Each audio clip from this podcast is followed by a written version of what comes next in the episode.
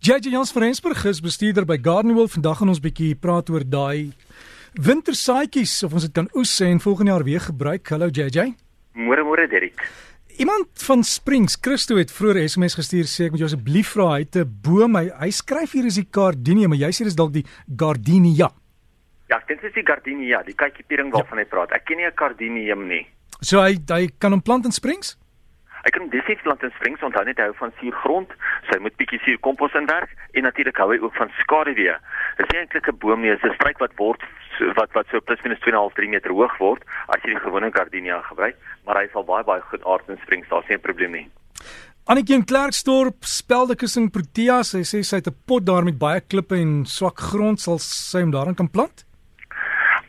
Annetjie, ja, jy sal hom definitief daarin kan plant. Onthou net dat potte word baie baie vinniger warm as wat ehm um, die grond word. So mens moet maar altyd onthou dat as jy 'n pot, as jy 'n uh, speldekussing in 'n protea wil graag in die volson staan, so jy gaan net meer gereeld moet nat gooi. Onthou ook om 'n veen te gebruik, 'n palmveen gemeng met suurkompos as jy hom wil plant. Uh en ja, baie baie goeie drenering is 'n moet en moet geen kunsmis gee nie. Hulle hou niks van kunsmis nie. JJ nou wanneer dit kom by die saadjies ons Namakoland se mareliefies, die saadjies is daar, die blommetjies raak droog, kan ek dit oes en volgende jaar plant?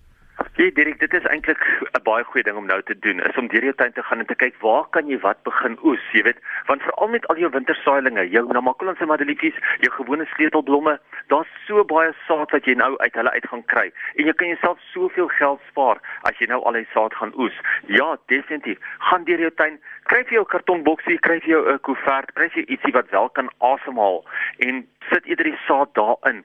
Moet dit nie in 'n plastiese sakkie of in 'n bottel of ietsie stoor waar die saad gaan vrot nie want dit is die grootste fout wat mense maak. Hulle sit dit of in die in die vensterbank waar hy baie son kry en dan brand hy stukkend of hulle sit dit in iets waar die saad eintlik kan wegvrot. So maak seker dat dit wel kan asemhaal, maar nou is die regte tyd om jou saad wel te gaan oes.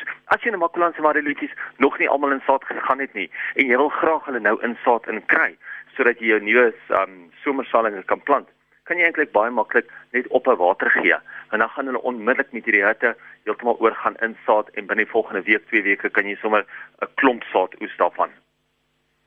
Dink die ander ding waaroor ek graag hierdie week wil praat is oor vrugtevliee. Mense vra altyd vir my wat kan hulle doen? Wanneer kan hulle begin spuit vir vrugtevliee? Weet jy vrugtevlieg is eintlik 'n interessante vlieg. Dit is 'n vlieg wat nie noodwendig altyd net met die vrugte daar is nie. So mense nie net begin spuit as jou vrugte wel klaar aan die bome is nie. Vrugtevliee kan selfs oorleef of kan ontwikkel en kan vermeerder in komposhope, ergens waar daar vrugte is. Enige plek waar dit vuil is, kan 'n mens eintlik waar dit vogtig is, kan die vrugtevliee eintlik vermeerder. Enige organiese materie kan eintlik opgroei. So, dit begin altyd by laasjaar se vrugte. As jy seker maak dat jy wel elke jaar jou vrugte wegvat en dat jy jou plek skoon hou, gaan jy al klaar baie minder vrugtevliee hê. Jy weet ek praat altyd daarvan dat mense altyd al jou vrugte wat vrot word eerder in 'n baie diep gat moet begrawe. Maar selfs die vrugte wat op die bome nog oorbly en aan die einde van die seisoen, maak seker dat daar niks vrugte op die grond oor lê nie. Maak seker dat jy mens gereeld skoonmaak. Onthou 'n vrugtevlieg se eiers kan binne omtrent 2 dae kan dit uitbroei en dan kan dit binne 8 dae kan hulle weer eiers lê. So mense moet seker maak dat jy gereeld die hele tyd skoonmaak. Ja, daar is verskeie produkte waarmee mens kan waarmee 'n mens kan spuit en ek sê altyd dat mense so een keer elke maand tot een keer elke 3 weke jou jou vrugte moet spuit. Nou ons begin nou al die vrugtebome te spuit, veral nou net dat hulle klaar aan die bot en aan die blom is. Moenie spuit terwyl hulle nog mooi blom nie, maar wag eers gewoonlik totdat so 2/3 van die blomme geval het en dan begin jy jou vrugtebome te spuit. Hoekom spuit ons nou al? Ons spuit nou al vir die kodlingmotte. Nou gelukkig is kodlingmot nie 'n baie groot probleem op perskes nie. Hy's maar meer op appels en pere, maar kyk altyd uit daarvoor en as jy wel probleme het met kodlingmot, spuit in elk geval op jou perskebome ook. Begin hom nou al. Hoe weet 'n mens dat jy kodlingmot op jou vrugte kry? Gewoonlik as jou vrugte net een steekmerkie onderop hom het, ergens op die vrug self het en dan sy vol wurms aan die binnekant. Baie keer word dit verwar met die gewone vrugtevlieg. So as jy baie motte en so by jou sien rondvlieg, veral as die vrugte daar is, dan moet die mense weet dat dit kan ook die gewone kotling mot wees wat die wat die uh, vrugte self aanval. So jy kan ietsie soos 'n kemprin, 'n cyper, 'n knoxworm, enigiets van daai gebruik.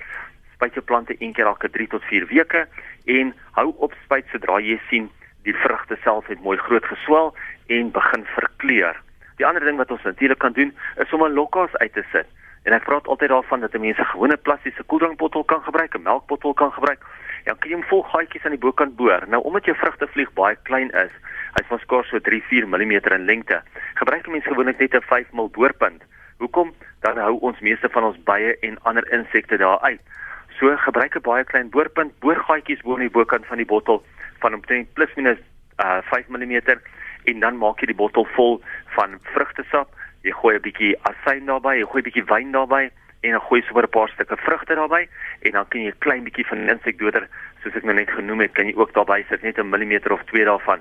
Enige vrugtevlee wat dan in hierdie bottel ingelok word, sal dan onmiddellik doodgemaak word daardeur en 'n mens kan daai bottel een keer elke 3 weke of so kan jy hom vervang want jy gaan 'n spul vrugtevlee daar binne hê. Onthou 'n mens het nie baie vrugtevlee in die omgewing nodig nie. Dan kan dit nog steeds jou vrugte affekteer. Daar is wel die ekovrugtevlieg lokasmiddel wat 'n mens ook teen die stamme van die plante kan spat en kan spuit, maar ek weet hierdie jaar is daar weer eens 'n groot tekort daaraan.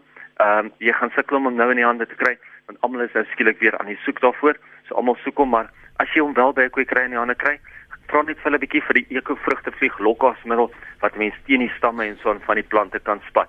Maar Derek, asseblief mense moet wegbly van sistemiese produkte af as dit kom by vrugtebome.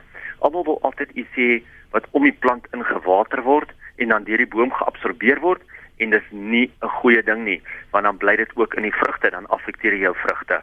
Mm, ja, jy met enige gifstof mense moet versigtig wees, jy moet net die aanwysings volg en moet ook nie van die ou goed gebruik nie altyd asseblief volg die aanwysings, gebruik soos jy sê nuwe goed en as jy nie seker is jy gaan na goeie kry toe en gaan maak seker. Ons het dit so gereël dat mense na ons toe kom en sê ek het hierdie, ek het daai, ek het die volgende, waarvoor gebruik ek dit? Laaste enetjie. Ja, ek sê nog om te sê dat mense moet nou al begin hulle groentetuine voorberei. Ons gaan een van die dae gaan ons begin groente saad plant. So hulle moet nou hulle groentetuine voorberei, lekker diep omswit met kompos, krames en beenmeel en dan gesels ons volgende week daaroor. En Suretta het gou 'n SMS gestuur, JJ, sy sukkel met eerstens vlermuise en sy sê hulle het verskriklik baie krieke op hulle grasperk. Ja, kyk as jy krieke op jou grasperk het, sal dit teen teen jou uh, molkrieke wees en daar is 'n uh, produk wat so te sê organies is, hy het amper geen gif van hom nie, genaamd Meridian wat jy op jou graswerk kan gebruik. Hy's fantasties daarvoor. Vlermuise is eintlik 'n baie goeie ding in die tuin. Uh vlermuise is nie 'n lelike ding nie, is 'n slegte ding nie. So jy moet eintlik probeer om die vlermuise te hou want dan het jy baie minder insekprobleme.